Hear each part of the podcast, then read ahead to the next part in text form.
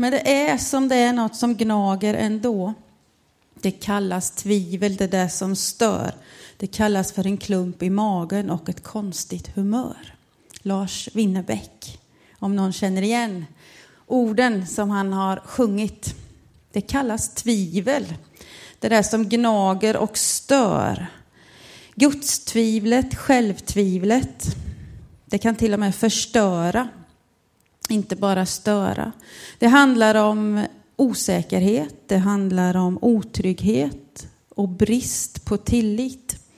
Och i en värld där vi har så mycket säkerhet så finns det ändå så mycket tillitsbrist. Trots alla försäkringar och löften så kan vi alla drabbas av tvivlet.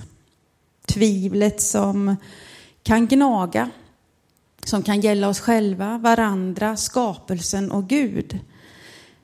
Lärjungen Thomas, han blev glömd, höll jag på att säga. Det blev han ju inte, utan han blev snarare ihågkommen som den som tvivlade, men som ändå fanns där i Jesu närhet hela tiden.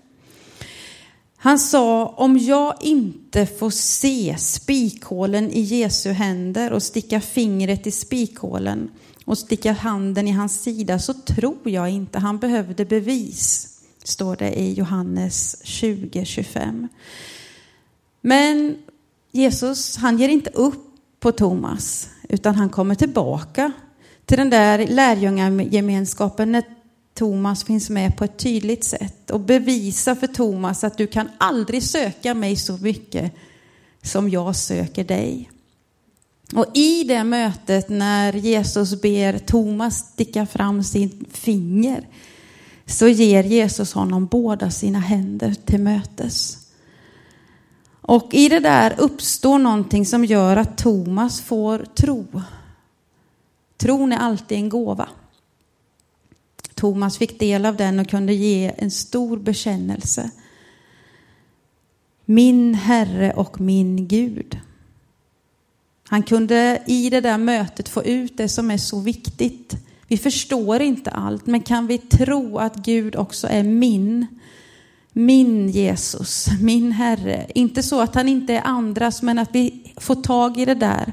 Att jag är sökt av Gud för att han älskar mig. Då får vi någonting att stå på. I den första utav trädgårdar, alldeles länge tillbaks, finns ganska mycket svar av varför vi har det som vi har det idag. På Bibelns första sidor så utspelas en scen som påverkar oss och visar på de där begränsningarna, de där flagorna som vi får leva inunder. Flagor utav tillitsbrist. Och oavsett hur du läser de där skapelseberättelserna så är det någonting som gick sönder. Den onde skövlade utav det som Gud hade tänkt ut och tänkt som gott.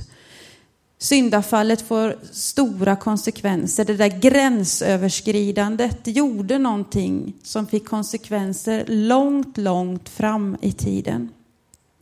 Och de där orden som uttalas i början när skapelsen blir till är inte oviktiga för de står för tron och tvivlets grunder. De första orden som Gud säger, vad är det? Ljus, bliv till och det blev till. Där har ni Gud i ett nötskal. Han säger och hans ord har kraft, skapar kraft. Han fullföljer sina uppdrag. Vad är ormens första ord? Har då Gud verkligen sagt? Han sår tvivel, han fullföljer inte sina uppdrag utan han pratar och lägger ut, liksom, skapar osäkerhet trasighet. Han luras och förställer sig. Och det där är grundpelarna för tro och tvivel. Det är det där vi får leva med och liksom kampen som är mellan Guds sanningar, mellan Guds varande som också får goda konsekvenser för han står för sitt ord och ormens ord som sår tvivel, som aldrig mäter upp utan bara pratar och skapar splittring. I syndafallet gick det sönder relationer mellan människor, relationer till skapelsen, relationen till sig själv och relationen till Gud.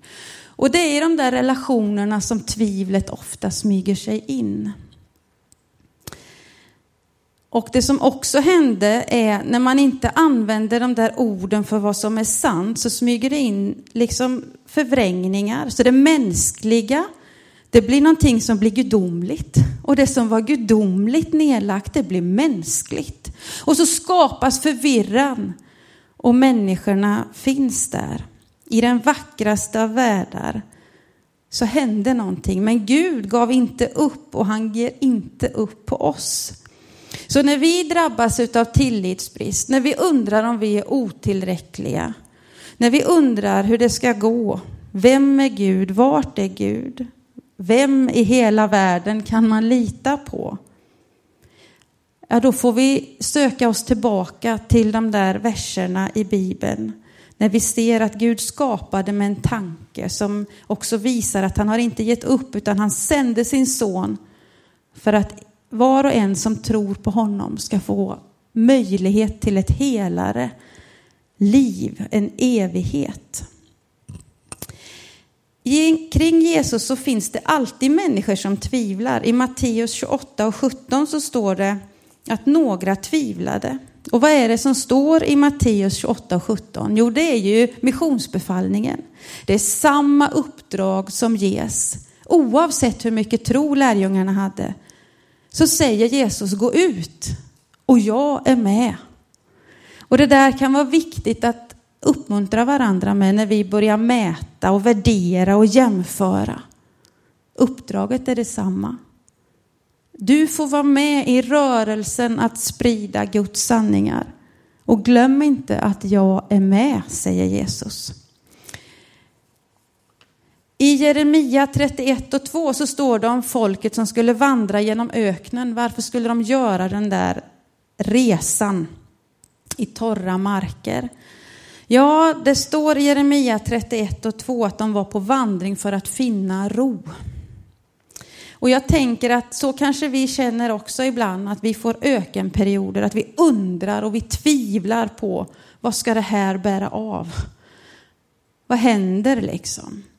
Men ibland kan den där rundgången faktiskt visa sig vara någonting som skapar ro. Och har vi ro så är det säkert, eller då är det inte så långt till att vi också har lättare att känna tillit.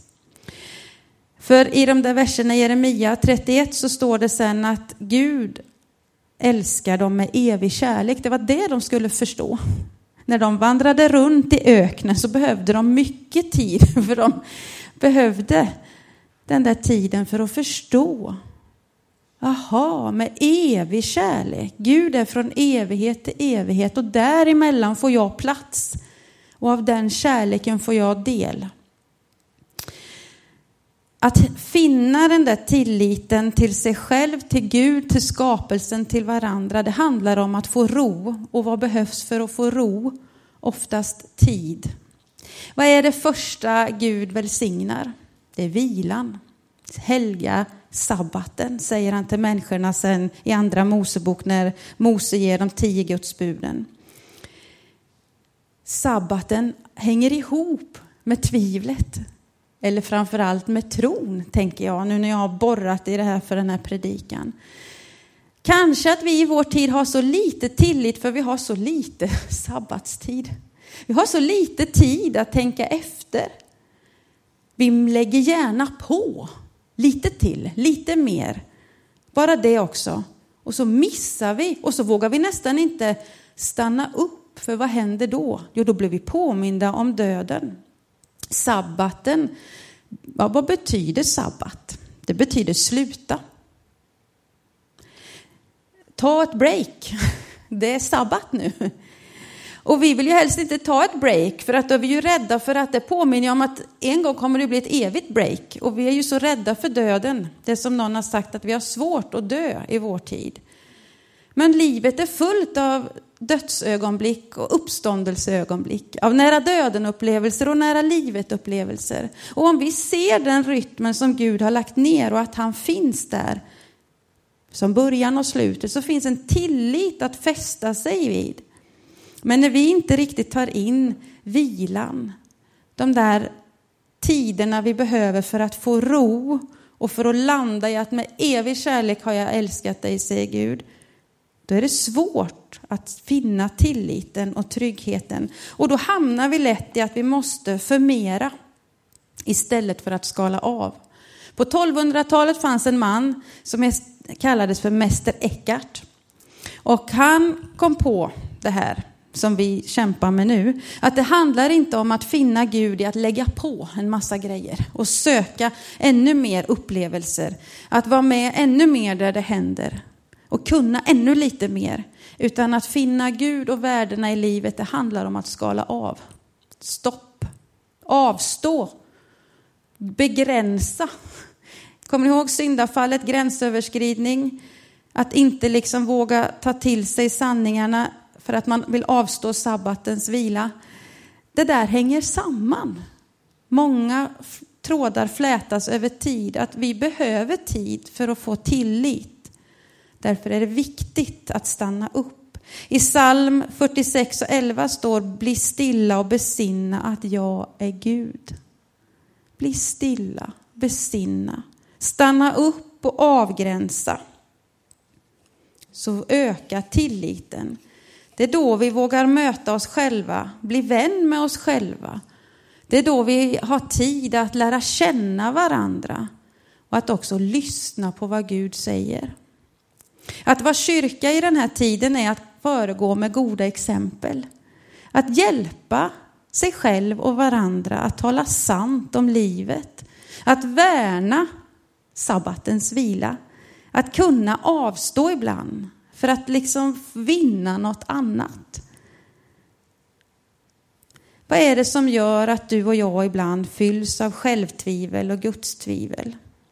Ja, det kan väl vara lite olika saker, uppväxt och erfarenheter.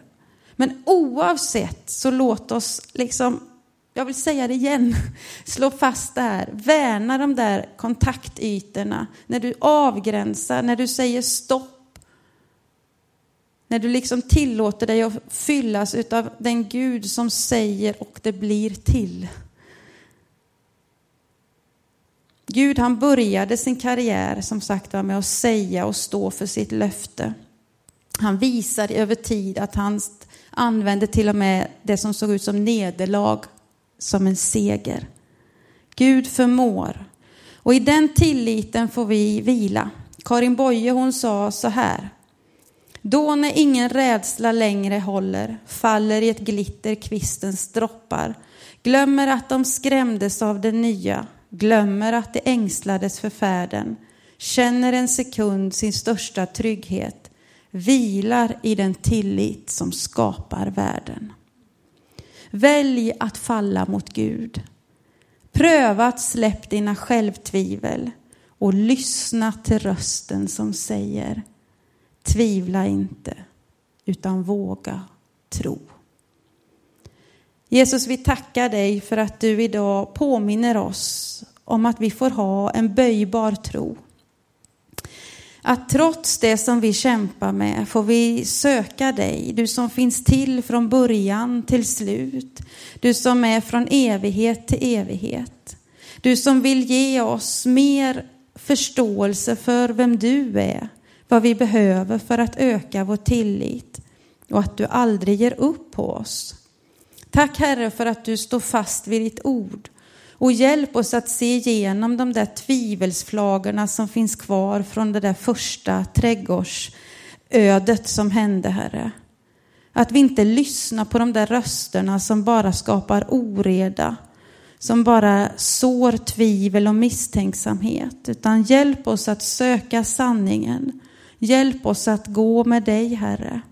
Och även när vi känner ökenperioder och undrar vart du är, låt oss då påminnas om folket som fick gå de där stegen för att bli tryggare i ron och så också få känna en bottenglädje i att evig kärlek har du lagt ner i oss var och en. Tack Herre för dina sanningar som vi om och om igen får höra att evigt vara din nåd. Och hjälp oss att också tala på ett sätt så att den som tvivlar och undrar kan se ännu lite mer vem du är, Herre. Och tack att du ställde dig mitt bland lärjungarna, vilket betyder att du har samma närhet till alla människor, samma avstånd. Du gör inte skillnad. Och din kallelse och ditt, ja, ditt vädjande om att vi ska gå dina ärenden, det gäller oss alla. Liksom det här löftet att du aldrig överger. Så tack Herre för att vi får veta och uppleva att det går en bro ifrån tvivel till tro. Amen. Nu får kören fortsätta att sjunga och är det